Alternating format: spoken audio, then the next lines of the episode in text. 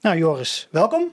Dankjewel. Jij bent uh, lijsttrekker van PvdA GroenLinks en ik heb je uitgenodigd om uh, een toelichting te geven over, jou, uh, over het verkiezingsprogramma van PvdA GroenLinks voor de komende verkiezingen. Ja. Leuk dat je er bent. Um, vertel eens, wie ben je, wat doe je? laat de mensen van Zonnebreugel eens kennis maken met Joris van Dam. Ja, nou ja, Joris van Dam is inderdaad. Ik ben 41.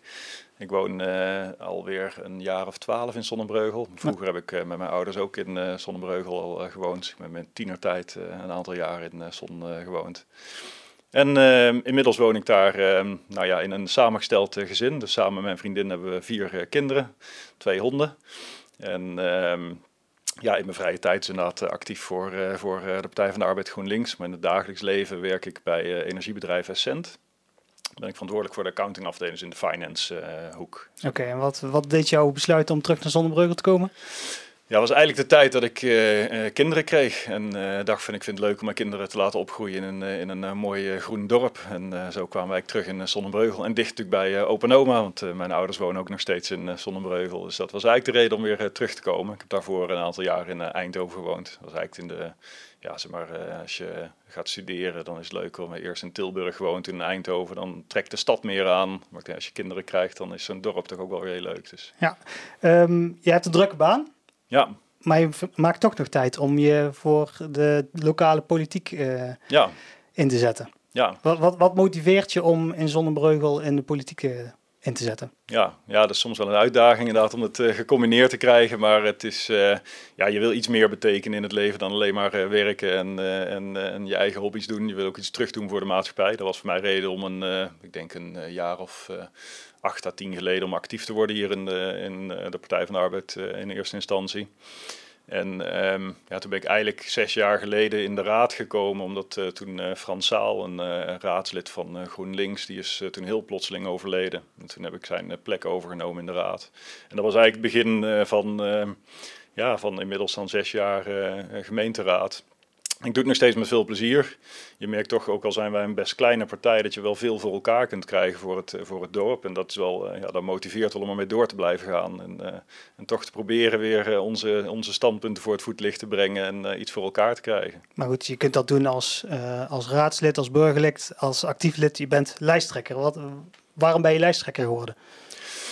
Um, waarom ben ik lijsttrekker geworden? Ja, ik denk de afgelopen jaren ben ik natuurlijk ook fractievoorzitter geweest en daarmee ook een beetje het gezicht uh, geworden van uh, Partij van de Arbeid GroenLinks. En uh, nou ja, hoe dat bij onze partij in ieder geval werkt, is dat uh, alle leden kunnen zichzelf uh, verkiesbaar stellen. En dat heb ik ook gedaan. Ik heb aangegeven, ik zou dat graag nog vier jaar als lijsttrekker willen doen. Overigens heb ik gezegd, als, ik zou dat ook best als, gewoon als gemeenteraadslid of als kandidaat lager op de lijst willen doen. maar uiteindelijk zijn dat de leden die met elkaar kijken van, goh, wie willen we op welke plek hebben op de lijst. En de leden hebben besloten dat ik weer de, de kar mag trekken. Dus, dat, dus daar ben ik heel dankbaar voor. Het lijkt me leuk om, om te doen en daar, ja, dat geeft ook wel energie. En zeker omdat we een hoop nieuwe mensen erbij hebben. Dus dan kunnen we ook echt met een nieuwe club uh, mensen uh, ja, weer gaan, uh, gaan werken aan de toekomst van Zonnebreugel. Dus. Ja. Nou, hebben we kennis gemaakt met jou en gaan we kennis maken met de partij. hoe is de partij in Zonnebreugel ontstaan? Ja, nou, wij, wij, zijn al twintig jaar lang een uh, gecombineerde fractie van Partij van de Arbeid en uh, GroenLinks. Dus in die zin lopen we een beetje voorop. Misschien dat in het land uh, zie je steeds meer gemeentes die nu nauw gaan samenwerken. De Tweede Kamerfractie werkt steeds nauwer samen. Dus wie weet in de toekomst nog ooit een fusie komt tussen PvdA en GroenLinks. ik zou er in ieder geval persoonlijk best voorstander van zijn. Ja, je ziet in Zonnebrugge dat het kan werken. Ja, het kan prima werken en het uh, versterkt elkaar denk ik ook, zeker uh, lokaal. Uh, GroenLinks natuurlijk traditioneel meer vanuit, vanuit de duurzame hoek en Partij van de Arbeid vanuit de sociale hoek. Maar die onderwerpen sluiten heel mooi op elkaar aan en het versterkt elkaar ook echt. Dus, dus in Sonnenbreugel al, al twintig jaar dat we dat samen doen. En um, ja, dat, ik, ik, verwacht dat we dat nog heel lang zullen blijven doen in deze samenstelling. Ja, dus dat... wat zijn de kernwaardes?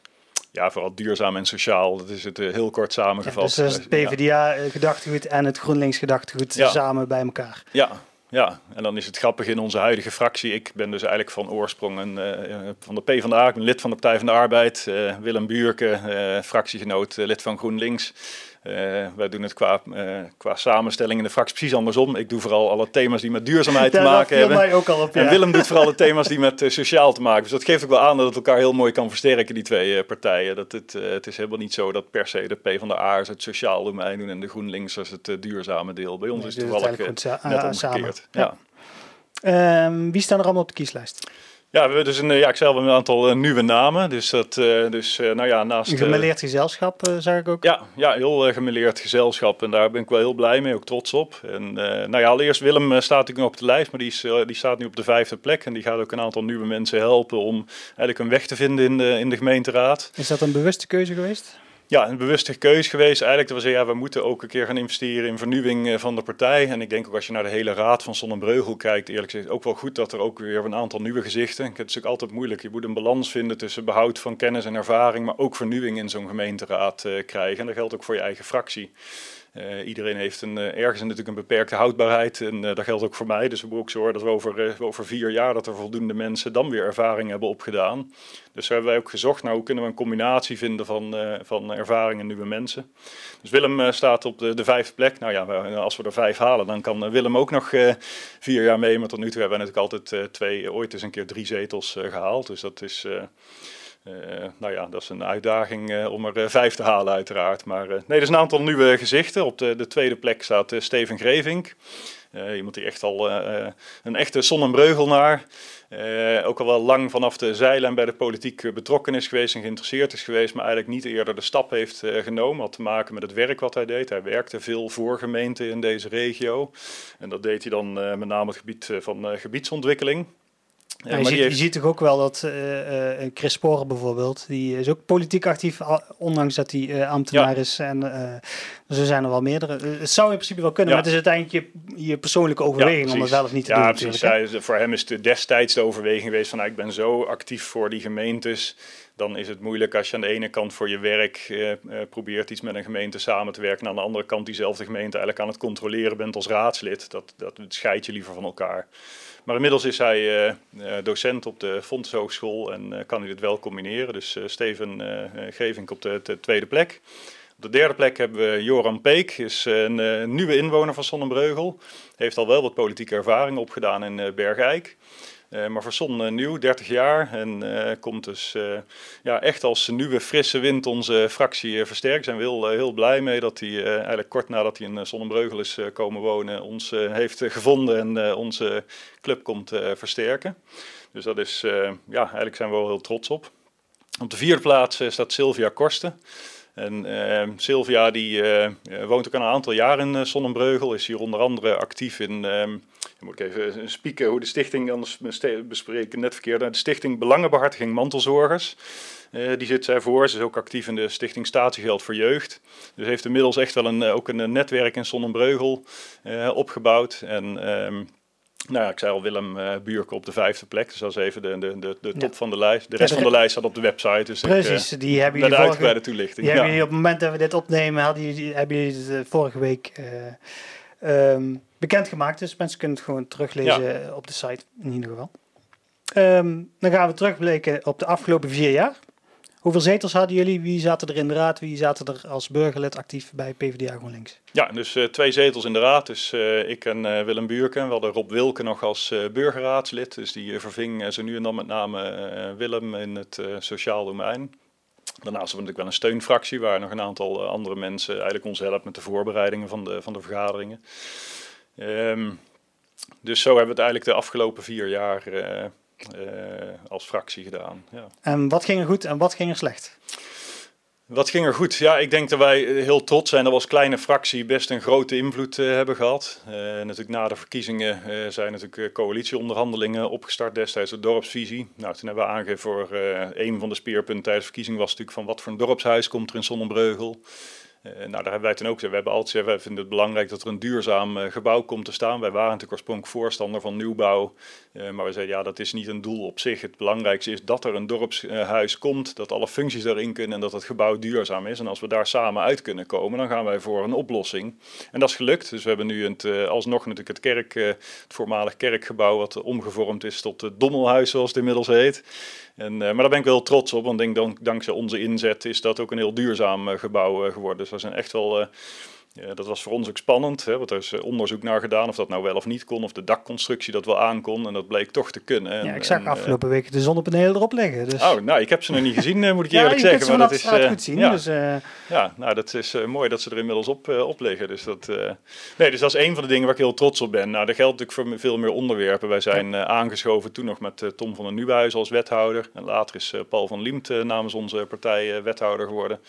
En dan merk je toch dat je als kleine partij in het sociaal domein, op het gebied van duurzaamheid, denk aan de energietransitie, de, de warmtevisie die er nu gemaakt voor hoe gaan wij Zonnebreugel uiteindelijk van het gas afkrijgen, dat je daar toch ook heel veel invloed op uh, kunt uh, uitoefenen als kleine partij. Ja, en jullie hebben in een coalitie gezeten, dan heb je inderdaad invloed op hoe dat de komende vier jaar uh, eruit komt te zien. Ik heb ook het coalitieakkoord van 2018 tot 2022 erbij gepakt. En ja. daar hebben jullie op, op heel veel onderwerpen aangegeven wat jullie de komende vier jaar willen doen. Ja.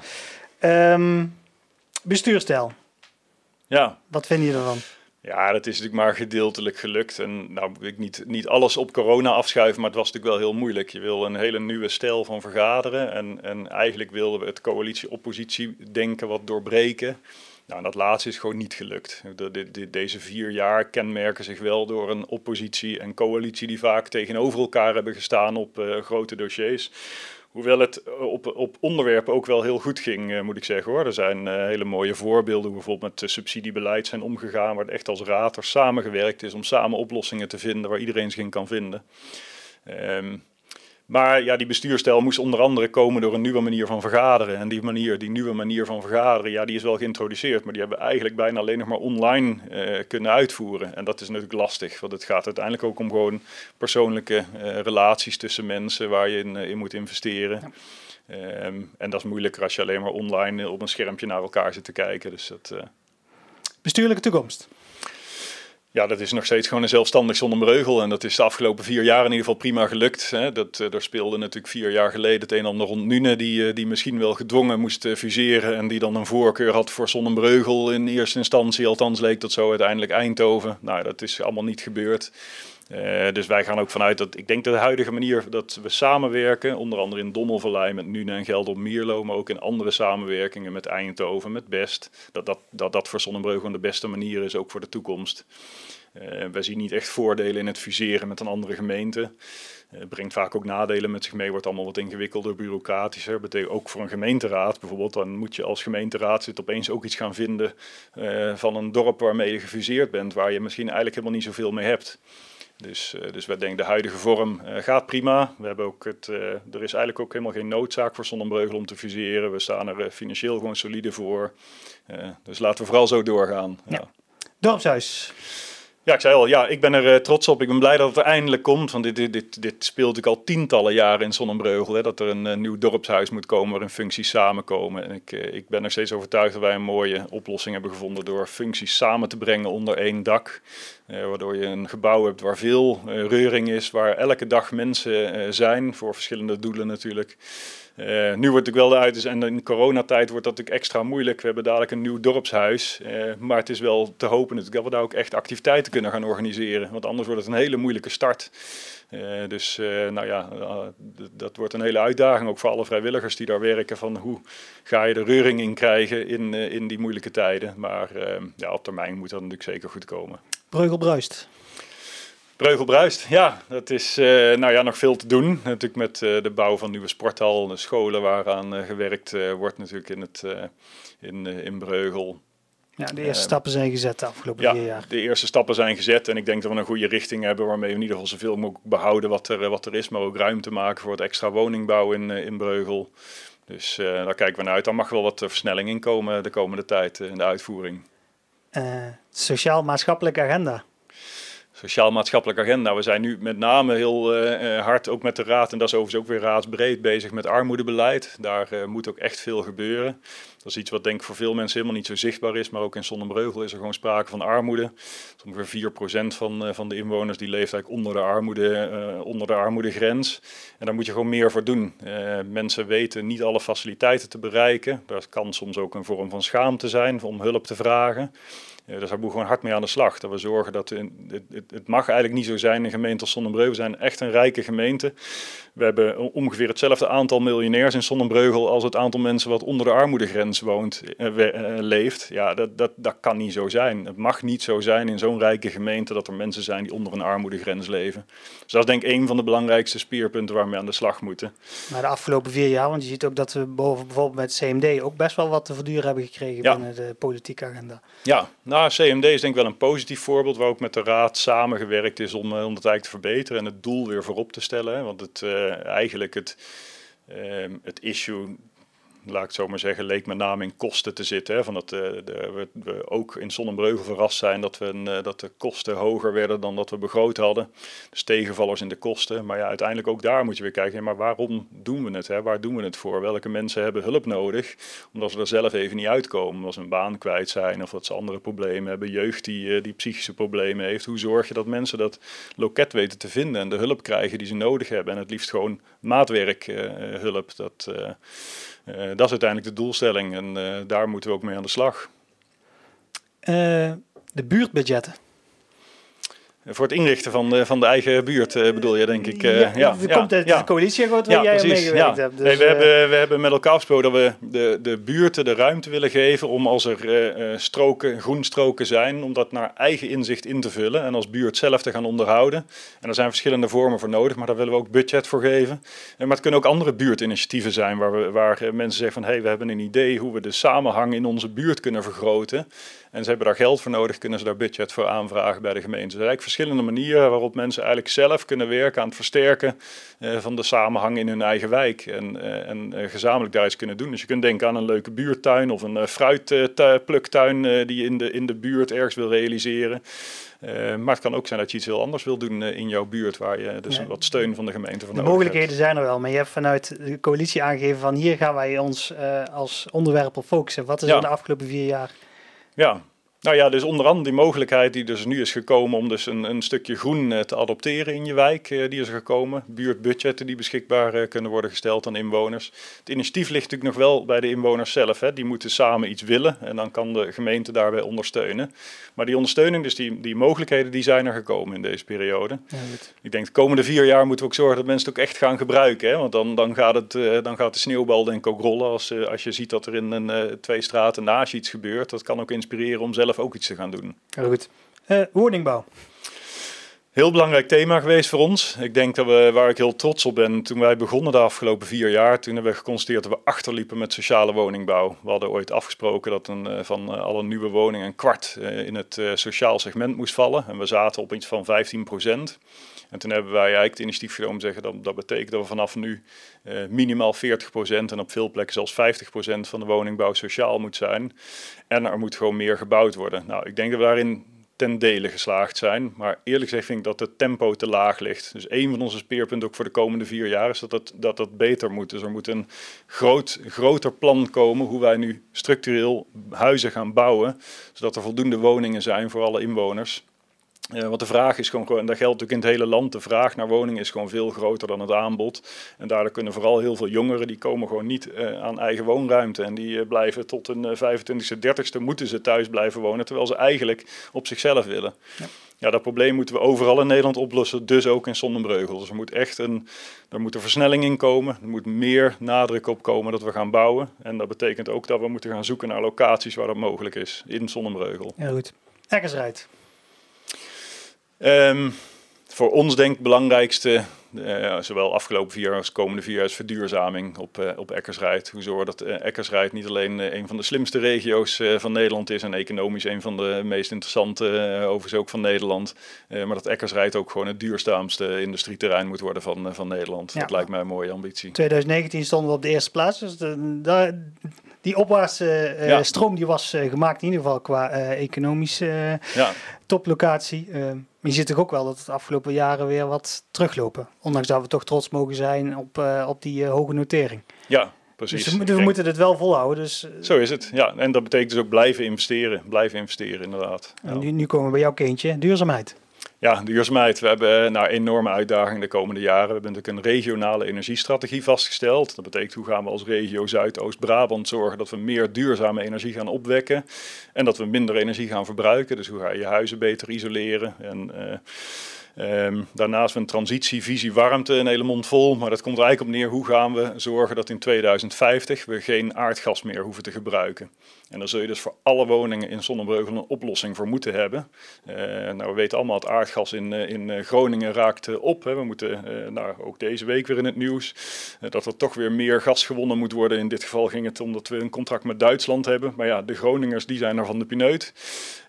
dat moeten we oplossen. En nou, je ziet het aan de prijzen deze winter. Je wil ook niet afhankelijk zijn van Rusland voor de verwarming van je woning. Dus ik denk dat dit jaar eens te meer duidelijk is geworden waarom dit zo belangrijk is. Nog naast dat het voor het milieu natuurlijk nodig is. We moeten een duurzamere manier vinden om onze huizen te verwarmen. Uh, maar je ziet nu dus ook wat, het, uh, wat andere problemen zijn van afhankelijkheid van gas. Dus we gaan de komende jaren aan de slag. Er zijn een aantal wijken gekozen waar we nu als eerste gaan beginnen met pilots. Om te kijken hoe we woningen in die wijken van het gas af kunnen krijgen. En dat betekent ook technische oplossingen zoeken. Daar zullen heel wat partners voor nodig hebben. En stap voor stap dus kijken hoe krijg je uiteindelijk heel Zonnebreugel aardgasvrij. Goed, Afvalbeleid. We zijn net over hè, naar Blink. Ik, eh, de eerste week, eh, dus nou, in, in veel wijken ging het goed. In een aantal wijken eh, was het nog even zoeken naar op welke dag wordt nou eigenlijk het, het huisvel opgehaald. Maar dat, Um, ja, wij, wij, wij hadden eigenlijk, en als een van de weinige, partijen waren wij voorstander om de inzamelfrequentie voor een uh, aantal zaken iets uh, naar beneden bij te stellen. Er is een enquête gedaan onder inwoners. Daar bleek dat met name toch inwoners met een wat kleinere portemonnee en inwoners die heel erg geven om duurzaamheid, eigenlijk allebei aangaven van nou, we kunnen best wel bijvoorbeeld PMD-zakken één keer in de twee weken ophalen en de, de, de GFT-bak voor een langere periode maar één keer in de twee weken ophalen. Uh, dat heeft het helaas niet gehaald, dat uh, voorstel uh, in de Raad. Um, omdat toch de meerderheid van de Raad, we vinden, we vinden eigenlijk dat niveau waarop het nu is, vinden we wel allemaal heel prettig. Maar dat is natuurlijk niet de meest duurzame oplossing. Um, nou, wij blijven kijken naar hoe kun je dat verbeteren. Hoe kun je het afval scheiden blijven stimuleren. Hoe kun je het aan de bron ook aanpakken. Zorgen dat er minder afval überhaupt gecreëerd wordt. Dat moet je natuurlijk samen doen met supermarkten, et cetera. Uh, maar dat blijft een belangrijk punt. Kijk, uiteindelijk is het allerbelangrijkste hoe zorgen we zo goed mogelijk ons afval scheiden, zodat we het zo duurzaam mogelijk kunnen verwerken. En uh, dat begint natuurlijk met zo weinig mogelijk afval uh, te creëren. Onderhoud van de openbare ruimte. Poeh. Nou, de, sto de stoepen die aangepakt zijn de afgelopen vier jaar. Um, dat is natuurlijk een van de belangrijkste. Hè? De, de, de gladde stoepranden, uh, waar we ook zeiden, ja, daar zul je moeten beginnen. In ieder geval met alle op- en afritten, waar mensen natuurlijk, ja, daar kun je niet omheen. Uh, daar moet het gewoon veilig zijn. Uh, speelt natuurlijk een hele discussie of de coatings die nu aangebracht zijn, of dat voldoende is om te zorgen dat mensen daar in het centrum in ieder geval niet meer uitglijden over stoepranden. Um, afgelopen vier jaar is ingezet op verhoging ook van het onderhoudsniveau van stoepen. Nou, dat is in sommige wijken al zichtbaar. In andere wijken moet daar nog wel uh, het een en ander gebeuren, denk ik, om te zorgen dat de stoepen uh, weer netjes recht liggen. Mensen niet struikelen over losliggende stoeptegels. Ja, dat blijft wel een punt ook de komende jaren natuurlijk. Je moet continu die keuze maken in je, in je gemeentelijke begroting. kun je meer geld vrijmaken om naar een nog hoger onderhoudsniveau te gaan? dan ligt alles er strak bij. Datzelfde geldt natuurlijk voor het onderhoud van de plantsoenen. hoe vaak wil je dat er geschoffeld wordt en mag er onkruid staan in een plantsoen? Ja of nee? Dat heeft natuurlijk ook allemaal een financiële consequentie. Dus dat is een van de keuzes die Sonnenbreugel moet maken. Ja, wat ons betreft moeten we een hoog voorzieningenniveau hebben in Sonnenbreugel. we zijn ook een rijke gemeente, daar zijn ook middelen voor. En uh, als je die met elkaar bereid bent om, uh, om op te brengen, dan kun je ook zorgen dat je het dorp er netjes bij blijft liggen, maar ook dat niemand hoeft te struikelen over de stoepen. En nog belangrijker, we, zijn een, we hebben een vergrijzende samenleving. met name ook voor ouderen kan het echt wel een, een belemmering zijn om gewoon je vrij te kunnen bewegen in het, in het dorp. Dus, dus dat is ook een reden dat het gewoon belangrijk is dat je een hoog niveau van voorzieningen hebt. Omgevingswet. Omgevingswet, omgevingsvisie. Um, Um, voor veel mensen denk ik ver van je bed. stond het omschreven ja. als omgevingswet. Ja, klopt. Ja. Dus dat is, aan de ene kant is dat iets wat gewoon moet gebeuren. Daarom zijn alle gemeenten in Nederland moeten met de omgevingswet aan de slag. Dat komt eigenlijk een omgevingswet, een omgevingsvisie als vervanging van de huidige uh, bestemmingsplannen. Dus dat is aan de ene kant een heel technisch verhaal, maar het is ook het moment waarop je als gemeente weer eens kijkt naar hoe willen wij eigenlijk ons dorp inrichten, ook op de langere termijn. Een van de punten die daar bijvoorbeeld uitgekomen is dat we een, aan een omgevingsvisie hebben gewerkt. Waarin we zeggen, nou, wat zou je bijvoorbeeld op Sonnius, in Sonniuswijk, zou je daar nog een stuk uitbreiding bijvoorbeeld van het bosgebied kunnen doen. Maar zou daar bijvoorbeeld ook plek zijn voor een zonnepark of misschien zelfs wel een windmolen? Dat zijn wel dingen die ook in zo'n omgevingsvisie terugkomen. Dus dat is eigenlijk een, een traject waarin een stukje techniek, van we moeten ja, dat moeten alle gemeenten in Nederland doen. En daarmee maak je de inwoners uiteindelijk makkelijker uh, op termijn. Om te, als zij iets willen bouwen of iets willen veranderen aan een woning. Dat er veel meer gedacht wordt vanuit wat kan er wel. In plaats van een, een, uh, de huidige plannen die eigenlijk meer zeggen wat mag er allemaal niet. Heel goed. Veiligheid. Um, Veiligheid zien wij met name toen nog wel een, een, een prioriteit voor um, de, de, ja, wat, zeggen, de wat zwaardere criminaliteit. Uh, dus uh, rondom drugs, milieudelicten. Dat we daar meer focus op moeten leggen. toevallig zagen we in een van de stemwijzers dat ook als stelling langskomen zijn er nou bijvoorbeeld meer BOA's nodig. Nou, wij hebben denk ik, we mogen ons gelukkig prijzen dat de criminaliteit in Zonnebreugel, in de wijken, is relatief beperkt, ook in het centrum.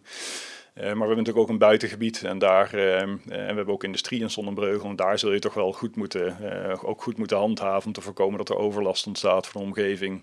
en nogmaals ook dat zware criminaliteit gewoon aangepakt wordt. En als laatste financiën. Ja, nou, ik zei net al eventjes, we staan er uh, gewoon goed voor als gemeente. Flink geïnvesteerd. Uh, ja, er is uh, fors geïnvesteerd. Dat betekent ook dat de reserves wat zijn afgenomen. nou ja, was het code rood of niet? Eventjes terug. Nee, het was, het was zeker geen code rood. Nee, dat is, kijk, het reserves van de gemeente betekent eigenlijk opgepot geld van de inwoners. geld moet je niet oppotten, hè. dat moet voor de samenleving zijn werk doen. We hebben nu natuurlijk wel heel veel investeringen achter elkaar gedaan. Dus daar zijn nu tijdelijk die reserves natuurlijk een, relatief laag, maar nog steeds ruim voldoende voor onze gemeente. En um, kijk, als je echt vindt dat die verder aangevuld uh, moeten worden, dan uh, zul je daar de komende jaren naar moeten kijken. Maar dan betreft die reserves passen prima bij uh, wat wij hier in Zonnebreugel doen. Dat blijkt ook eigenlijk als je de vergelijkingen met andere gemeentes doet. Dus we staan er goed voor. We hebben inmiddels ook het, het belastingtarief zit ook op een gemiddeld niveau voor Nederland. Dus dat is denk ik ook netjes in ik het verleden. verheug me ieder jaar weer op die prachtige ja. discussie tussen jou en de VVD over... ja, nee, we, hebben in, we hebben in Zonnebreugel jarenlang een onroerende zakenbelasting gehad die echt fors onder het gemiddelde van Nederland uh, lag. En uh, daar profiteren eigenlijk vooral mensen van die een hele grote woning hebben of die een uh, groot kantoorpand hebben. Want die betalen minder belasting. Terwijl iemand die een huurwoning heeft, die merkt geen verschil, want die betaalt die belasting niet. En wij vinden dat oneerlijk. En we hebben de afgelopen jaren dat tarief wat opgehoogd naar het gemiddelde niveau van Nederland. En dat betekent dat nu ook de wat rijkere inwoners gewoon een eerlijk belastingtarief betalen in Zonnebreugel. En van dat geld kun je natuurlijk je voorzieningen weer op peil houden. En welke van deze onderwerpen waren voor de partij belangrijkst? Um, duurzaamheid. Ja, duurzaamheid uiteraard. Um, uh, woningbouw, uh, zij gaf ik al aan, en dat zal ook echt een speerpunt voor de komende vier jaar moeten zijn. Daar moet nog veel meer gebeuren. en ik denk armoede. het bestrijden van armoede is wel echt, um, ja, ik zei al, in een dorp als Zonnebreugel zou dat eigenlijk niet voor mogen komen dat mensen in, in armoede moeten leven. Ja, goed. Kijken we vooruit naar de komende vier jaar. Hoe ziet Zonnebreugel er over vier jaar uit?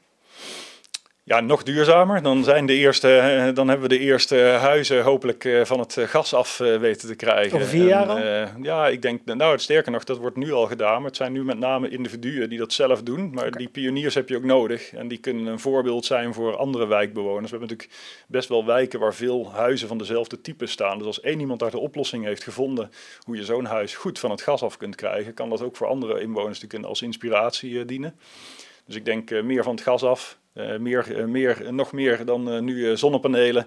En ehm, dat zal met name de daken zijn de komende jaren, want er is een tekort aan aansluitcapaciteit. Dus we moeten nu echt focussen om eerst eens al die daken vol te leggen. En pas als er meer capaciteit op het net is, dan kun je misschien ook aan wat grootschaliger duurzame energie denken.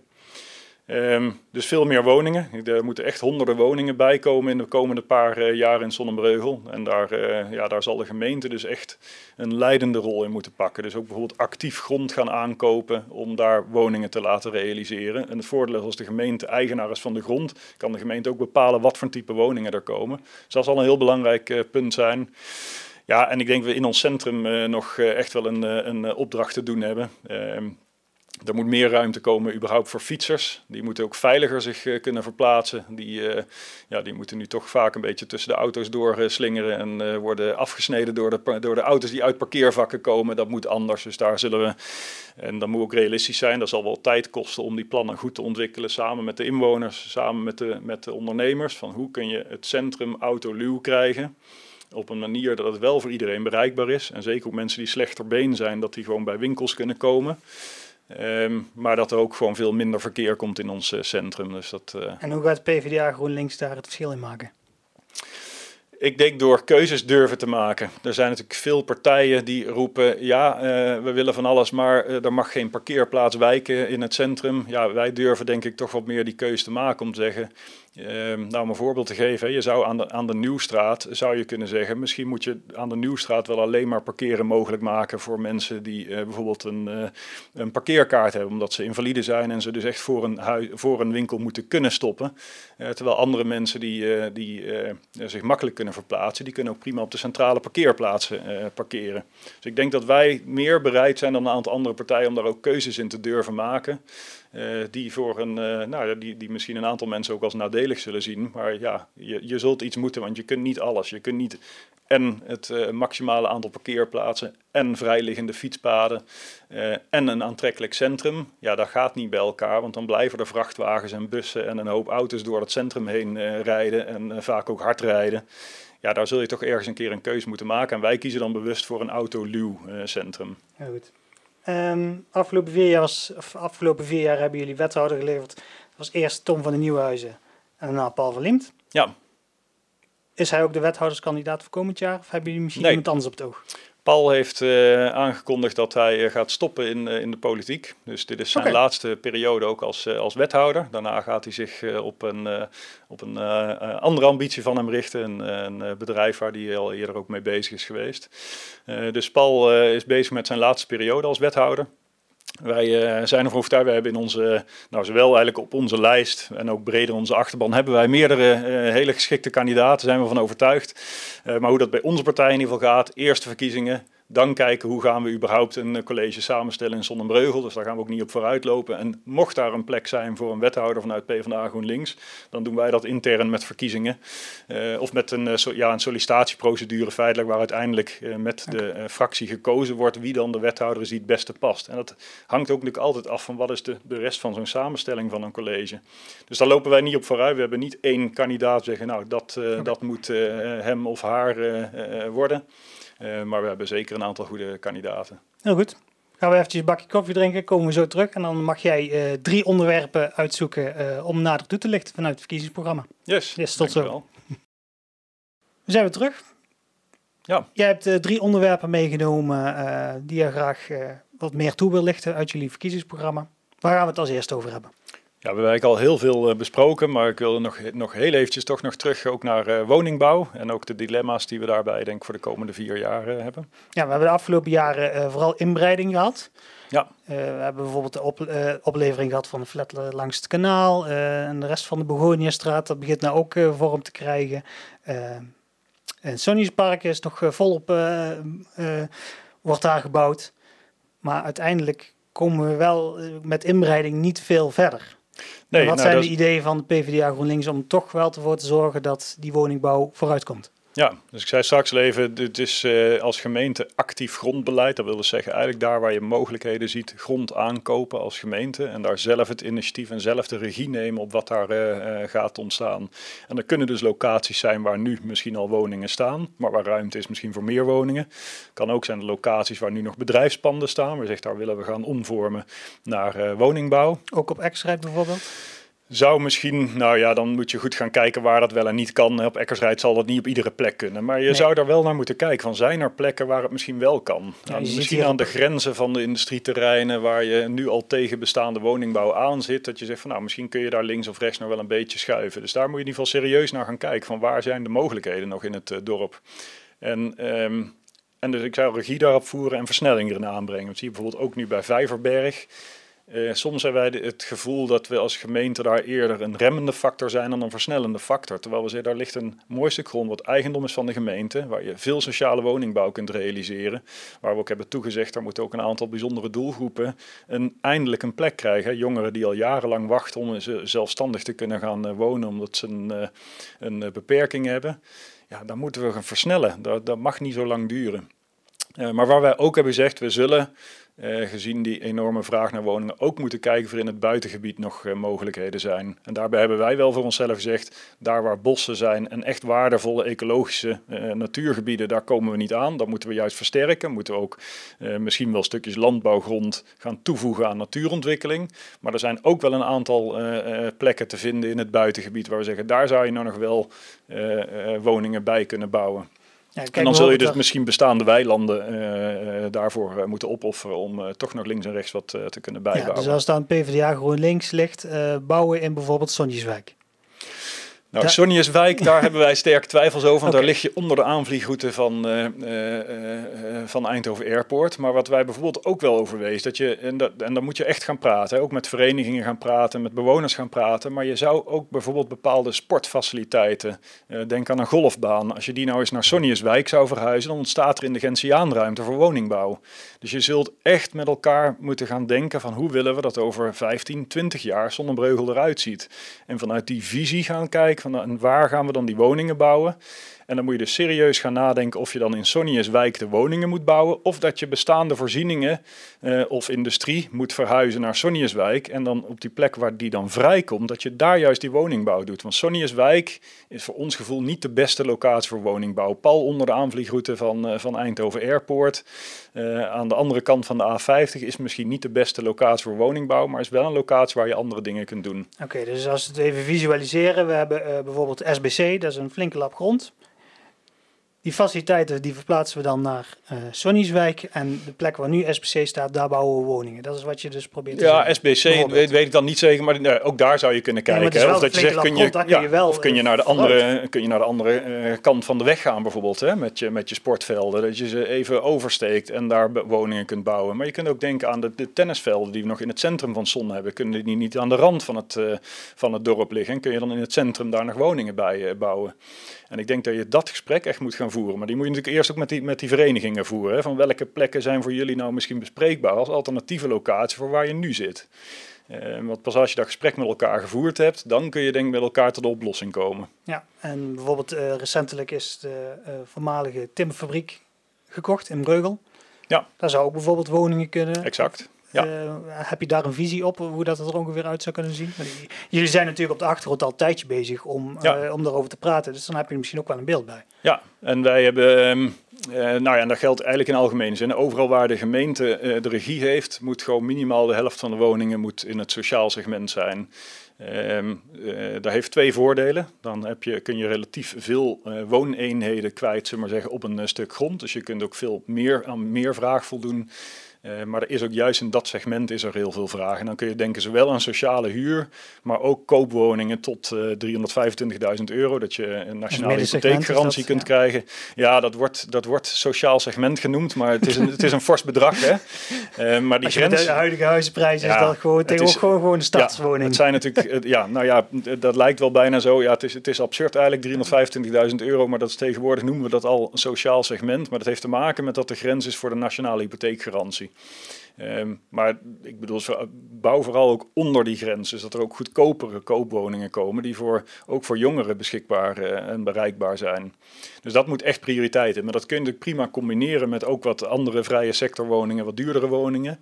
Uh, als je maar zorgt dat je voldoende gaat bouwen voor die doelgroep. Een tweede doelgroep die belangrijk is, is dat je voor ouderen gaat bouwen, zodat er ouderen kunnen gaan doorstromen. Er zijn veel ouderen uh, die graag gelijkvloers willen wonen, die kleiner willen gaan wonen. En dan kun je op twee manieren doen. Je kunt natuurlijk aan de ene kant kijken naar woningsplitsing. Dus dat die ouderen die nu in een, uh, in een woning wonen, die woning gaan splitsen. En zelf bijvoorbeeld beneden gaan wonen en boven gaan verkopen of verhuren. Maar ook natuurlijk door nieuw te bouwen, juist gericht op die doelgroep. zodat er woningen vrijkomen. Dan krijg je meer doorstroming in de woningmarkt. Dus daar moet echt een groot programma voor komen.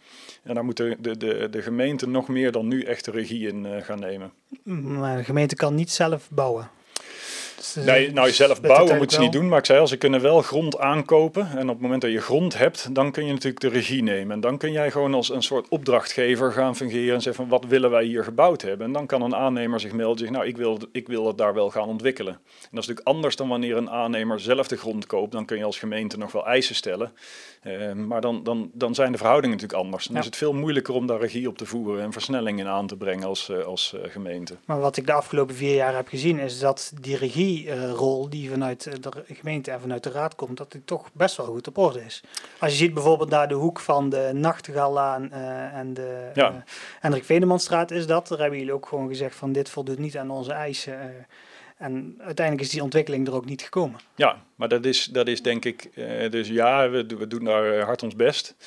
Um, maar zowel voor de ontwikkelaar als voor de raad is dit geen fijn proces natuurlijk. Want als een, als een ontwikkelaar die wil iets neerzetten, en je komt nu in een proces dat eigenlijk jarenlang duurt. En jarenlang duurt dus eigenlijk niks met die grond. En dat kan veel sneller als je aan de voorkant een heel duidelijk afgestemde visie hebt van wat moet er op die plek komen. En je gaat dan een aannemer in de arm nemen die zegt ik ga het dan voor je ontwikkelen en bouwen. Uh, dan gaat het sneller uh, en heb je uh, minder onvrede. Want uiteindelijk, ook, ook voor een aannemer is het natuurlijk niet fijn als je tot twee keer toe een plan maakt en de raad zegt van ja nee, maar dit, dit is toch niet wat wij willen. Dat, kun je, dat, dat, dat moet gewoon beter kunnen, waardoor het ook sneller uh, kan. Ja, goed. Dat was het. Voor woningbouw? Ja, ja dan gaan ja. we door naar het volgende onderwerp. Ja, tweede is denk ik uh, de bossen. Veel, uh, veel te doen over het, doen over, over het ja. Inmiddels, Zal het wel een heet hangijzer worden, deze verkiezingen? Ja, dat, dat zou kunnen. Ik, ik, ik uh, dat moeten we natuurlijk zien hoe dat gaat lopen. Maar ik denk, uh, laten we vooropstellen, volgens mij hebben we in Sonnenbreugel uh, nou, misschien wel 17.000 inwoners. Bijna allemaal in ieder geval. Dat hebben we ook recent gezien in enquêtes en dat geldt ook voor de raad. allemaal mensen die hier wonen, juist omdat we zo'n mooie groene gemeente hebben. En we zijn allemaal, denk ik, voor het behoud van de bossen. Wij in ieder geval wel. We zeggen, daar waar bos is, blijft het bos. En we zien ook een aantal plekken waar we de juiste natuur zelfs nog verder willen uitbreiden. De discussie gaat er eigenlijk over wat is nou de beste manier om het bos te beheren. En daar zie je eigenlijk een beetje dat er twee visies zijn. De ene visie zegt, doe nou zo weinig mogelijk. Grijp zo weinig mogelijk in en laat de natuur zijn gang gaan. En de andere visie is, we zien klimaatverandering op ons afkomen. En we zien dat veel bospercelen in Zonnebreugel zijn aangeplant met het doel om hout te oogsten. Waardoor ze eigenlijk zijn aangeplant vaak met uh, heel weinig diversiteit. Dus bijvoorbeeld heel veel grove dennen dicht bij elkaar, zodat ze strak omhoog groeien. Nou, op termijn is de verwachting dat mede door de klimaatverandering, de verzuring van de bodem, dat die bossen kapot gaan. Daar zie je ook in andere plekken in Europa al voorbeelden van, van bossen die dus lang niet beheerd zijn, die gaan kapot. Nou, daarom hebben wij uh, zijn, uh, staan achter de visie om te zeggen, daar moeten we nu gaan onderhoud gaan doen. Dat betekent dat je moet gaan uitdunnen. Dus je haalt een aantal bomen weg en je gaat ook nieuwe boomsoorten daar aanplanten die beter zijn voor de bodemgesteldheid. En waarmee je zorgt dat we over 20, 30 jaar ook nog een mooi en divers bos hebben. En dan hopen we ook dat daar meer leven in komt. Dus eigenlijk de toename van biodiversiteit. Maar dat vereist wel dat je nu ingrijpt. En daar gaat de discussie eigenlijk over. Van ja, dat ingrijpen, wil je dat nou wel of niet doen? En dat ingrijpen heeft natuurlijk ook nadelen. Want dat betekent op de korte termijn grote machines in de bossen. Uh, hout wat geoogst wordt in het bos, uh, zoals dat uh, dan genoemd wordt. Ehm, daar is natuurlijk niemand blij mee, zijn wij ook niet blij mee. Dat is geen fraai gezicht. Hè. Je wil natuurlijk liever dat een bos... Dat doet voor iemand die voor duurzaamheid... En, ja, dat doet pijn. Dat doet gewoon pijn. Dat doet pijn, ja precies. Dat doet pijn, maar je doet het alleen, althans dat geldt voor je doet het alleen als je dat vanuit een visie doet dat dat belangrijk is voor de lange termijn. En dat we dus niet alleen voor nu een mooi bos hebben, maar dat we juist ook voor de komende generaties nog een mooi bos hebben in Zonnebreugel. En een bos waar ook gewoon leven is. Ja, um, de, het harde ven is nu, wordt nu onder handen genomen het is nu januari. In januari gaan ze ook beginnen aan uh, Sonse Bergen. Ja. De discussie gaat nu ook over uh, Sonse Bos samen met, uh, met, uh, met Best is dat. Ja. Wil je, zijn jullie van mening dat we daar dezelfde aanpak moeten gaan houden? Nou, daar zitten een, een aantal verschillen. Dus uh, voor de Sonse uh, uh, bergen, we gaan dus nu inderdaad onderhoud starten. Bij Harderven is dat nagenoeg afgerond. Wat daar nog moet gebeuren is een aantal paden moeten nog hersteld worden. en de nieuwe aanplant moet nog plaatsvinden. Want dat is ook onderdeel van deze plannen. Is dus dat er plekken vrijgemaakt worden om nieuwe soorten in het bos te gaan, gaan planten. zowel bomen als struiken. Dus dat moet nog gebeuren. Ja, nou, hetzelfde. De discussie over de heesters zullen we maar niet aanhalen. Ja. Dan Sonse bossen. Ja. Sonse bergen is dat. Ja, Ja, ja, dat, ja, dat is nog een andere discussie. Maar ook daar, uh, laten we daarvan uitgaan, daar moet, uh, ook daar geldt dat je, je moet de diversiteit vergroten in die bossen. En dan moet dus ook een onderlaag komen, dus een, een struiklaag en dat onder de bomen. Maar dat lukt alleen maar als je eerst bomen ook weghaalt. Er moet wel licht komen naar, naar de bodem. Maar dat is dus wat daar nog moet gebeuren. Voor het gebied tussen Zon en Bes zijn we nu nog in de fase dat we met een visie bezig zijn. En um, dat is nog wat complexer, want daar wordt ook echt gekeken hoe kun je bijvoorbeeld weer meer water terugbrengen in dat gebied, zodat het grondwaterpeil stijgt. Maar het heeft natuurlijk een enorme impact op, uh, op uh, hoe dat bos eruit ziet. Dus er zijn nu nog liggen daar heel veel uh, sloten, zeg maar, die zorgen voor snelle afwatering. Maar daar krijg je een relatief droog bosgebied. En daar ligt nu een voorstel van, zouden we dat niet delen van dat bosgebied natter kunnen maken? Uh, delen van dat bosgebied lenen zich bijvoorbeeld ook voor om echt naar een, een volledig natuurbos te gaan, waar je dus eigenlijk, eigenlijk nou, minimaal nog gaat ingrijpen, eigenlijk alleen nog maar op veiligheid gaat ingrijpen, maar voor de rest zou je daar de natuur helemaal zijn gang kunnen laten gaan.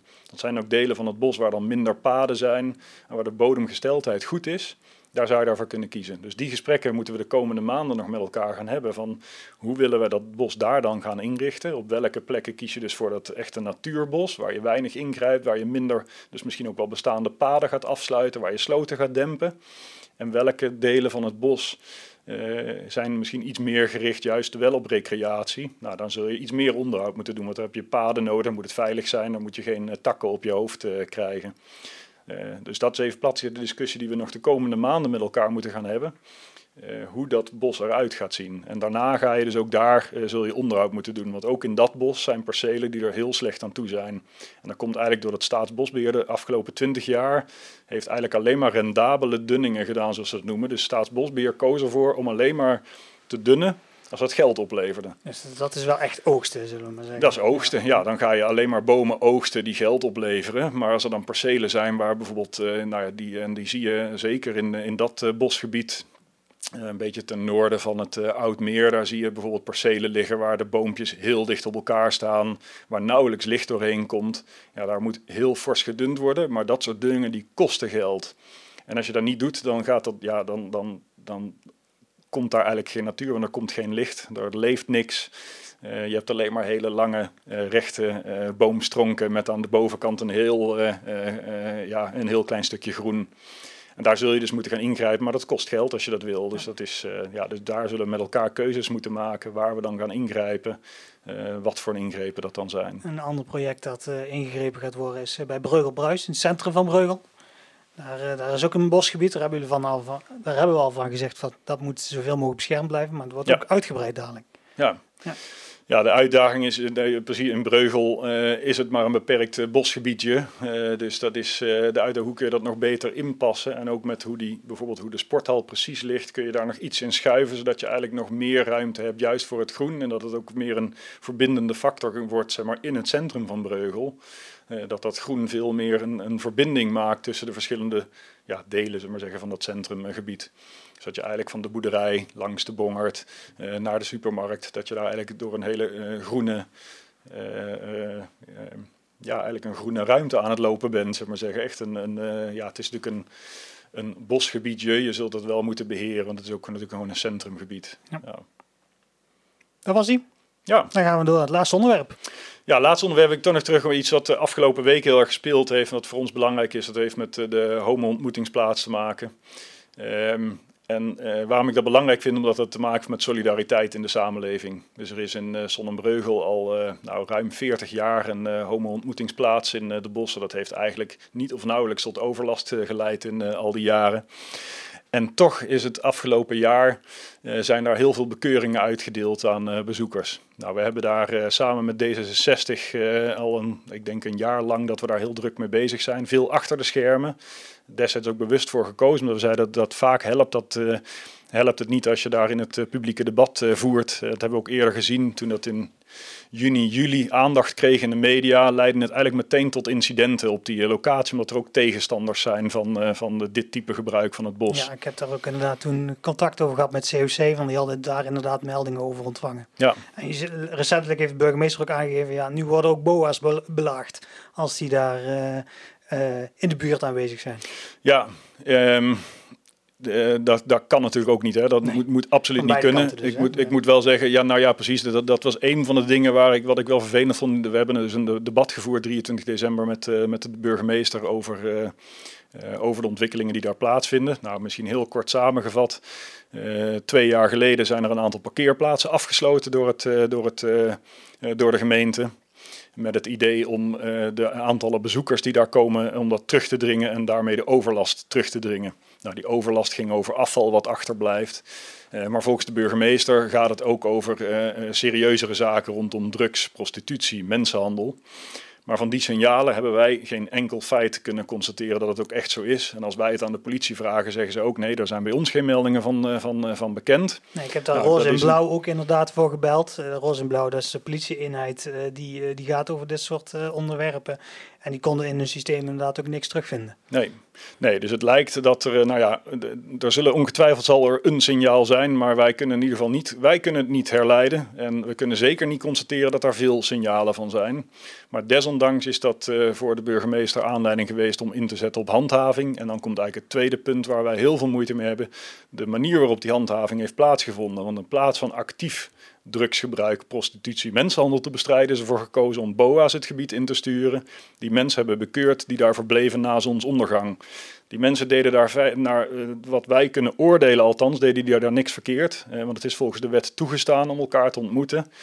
Uh, het is ook toegestaan om in een, uh, in een bos uh, seks met elkaar te hebben, zolang, je dat niet, zolang dat niet zichtbaar is vanaf de openbare weg. En zolang je dus je best doet om dat ook niet andere mensen daarmee lastig te vallen. Mensen hoeven het, andere mensen hoef je daar niet mee te confronteren. Dat is eigenlijk wat onze wet daarover zegt, maar het is niet verboden. Verblijf in het bos na zonsondergang is wel verboden, maar dat wordt nergens in Sonnenbreugel op gehandhaafd, behalve net op dat ene stukje grond. Ja. En nou, daar hebben wij grote moeite mee, want het, daar, daar ontstaat voor ons echt een beeld dat we eigenlijk intolerant aan het worden zijn. Dat we bewust een strijd voeren tegen een homo-ontmoetingsplek, in plaats van dat we werken tegen het voorkomen van criminaliteit. En dat onderscheid moet voor ons absoluut duidelijk zijn. Het mag niet zo zijn dat wij een, uh, een doelgroep benadelen uh, in Zonnebreugel die zich gewoon netjes aan alle regels houdt. En nou, daar zijn wij fel op, maar we vinden het gewoon belangrijk dat we tolerant zijn en dat er in een maatschappij ook hier gewoon ruimte voor is. Zolang je daar anderen niet mee tot last bent, moet dat gewoon kunnen. En dan moeten we niet dat gaan bestrijden met de handhavers die bekeuringen gaan uitdelen. Nou goed, ik neem aan dat in de rest van het dorp die, die roept tot solidariteit en die roept tot tolerantie ook gewoon geuit gaat worden. Ja, zeker. En dat, uh, we hebben al jarenlang in de raad geroepen, we moeten ook uh, meer zichtbaarheid aan geven. met regenboogvlaggen, et cetera. Dat we gewoon een tolerant dorp willen zijn. Nee, nee, ook dat merken we. Nou, en dat, dat, dat, nou ja, dat past een beetje misschien bij deze discussie. Dat we zeggen, en nu is het ook tijd om de daad bij het woord te voegen en te laten zien dat we echt tolerant zijn. En als er al sprake is van vormen van overlast, Ga dan met de bezoekers in gesprek. Hoe kunnen we die overlast beperken? Dus bijvoorbeeld zorg dat er afvalbakken zijn, zodat er geen afval achterblijft. Zorg dat je het gebied zo inricht dat wandelaars en, en bezoekers van de home-ontmoetingsplek geen last van elkaar hebben. Dan ben je aan het oplossen. Maar als je alleen maar probeert mensen te verjagen, om het zo maar te zeggen, dan ben je hooguit het probleem aan het verplaatsen, want dan gaat het naar de volgende parkeerplaats. Dus daar los je niks mee op en bovendien stel je daar mensen mee in een kwaad daglicht en dat moeten we gewoon niet doen. Heel goed. Dan gaan we richting de afronding. Um, mensen zijn nou aan het kijken, mensen zijn nou aan het luisteren. Um, doe een oproep om te stemmen op uh, PvdA GroenLinks, zou ik zeggen. Ja, nou ja, ik denk dat we, we hebben een heel lang gesprek gehad, maar de korte samenvatting is gewoon, uh, wil je gaan voor de toekomst, voor een duurzaam en sociaal Zonnebreugel, dan uh, moet je stemmen op Partij van de Arbeid uh, GroenLinks bij de komende verkiezingen. Dus ik hoop dat we veel stemmen krijgen en dat we daarmee in de gelegenheid worden gesteld om ook de komende vier jaar echt grote invloed te hebben binnen de gemeenteraad van Zonnebreugel. Kort maar krachtig. Dankjewel Joris dat jij, jou, of dat jij het verkiezingsprogramma van PvdA GroenLinks uh, kwam vertellen aan de mensen van Zonnebreugel. Graag gedaan. heel veel succes uh, 14, 15 en 16 maart. Graag gedaan, dankjewel.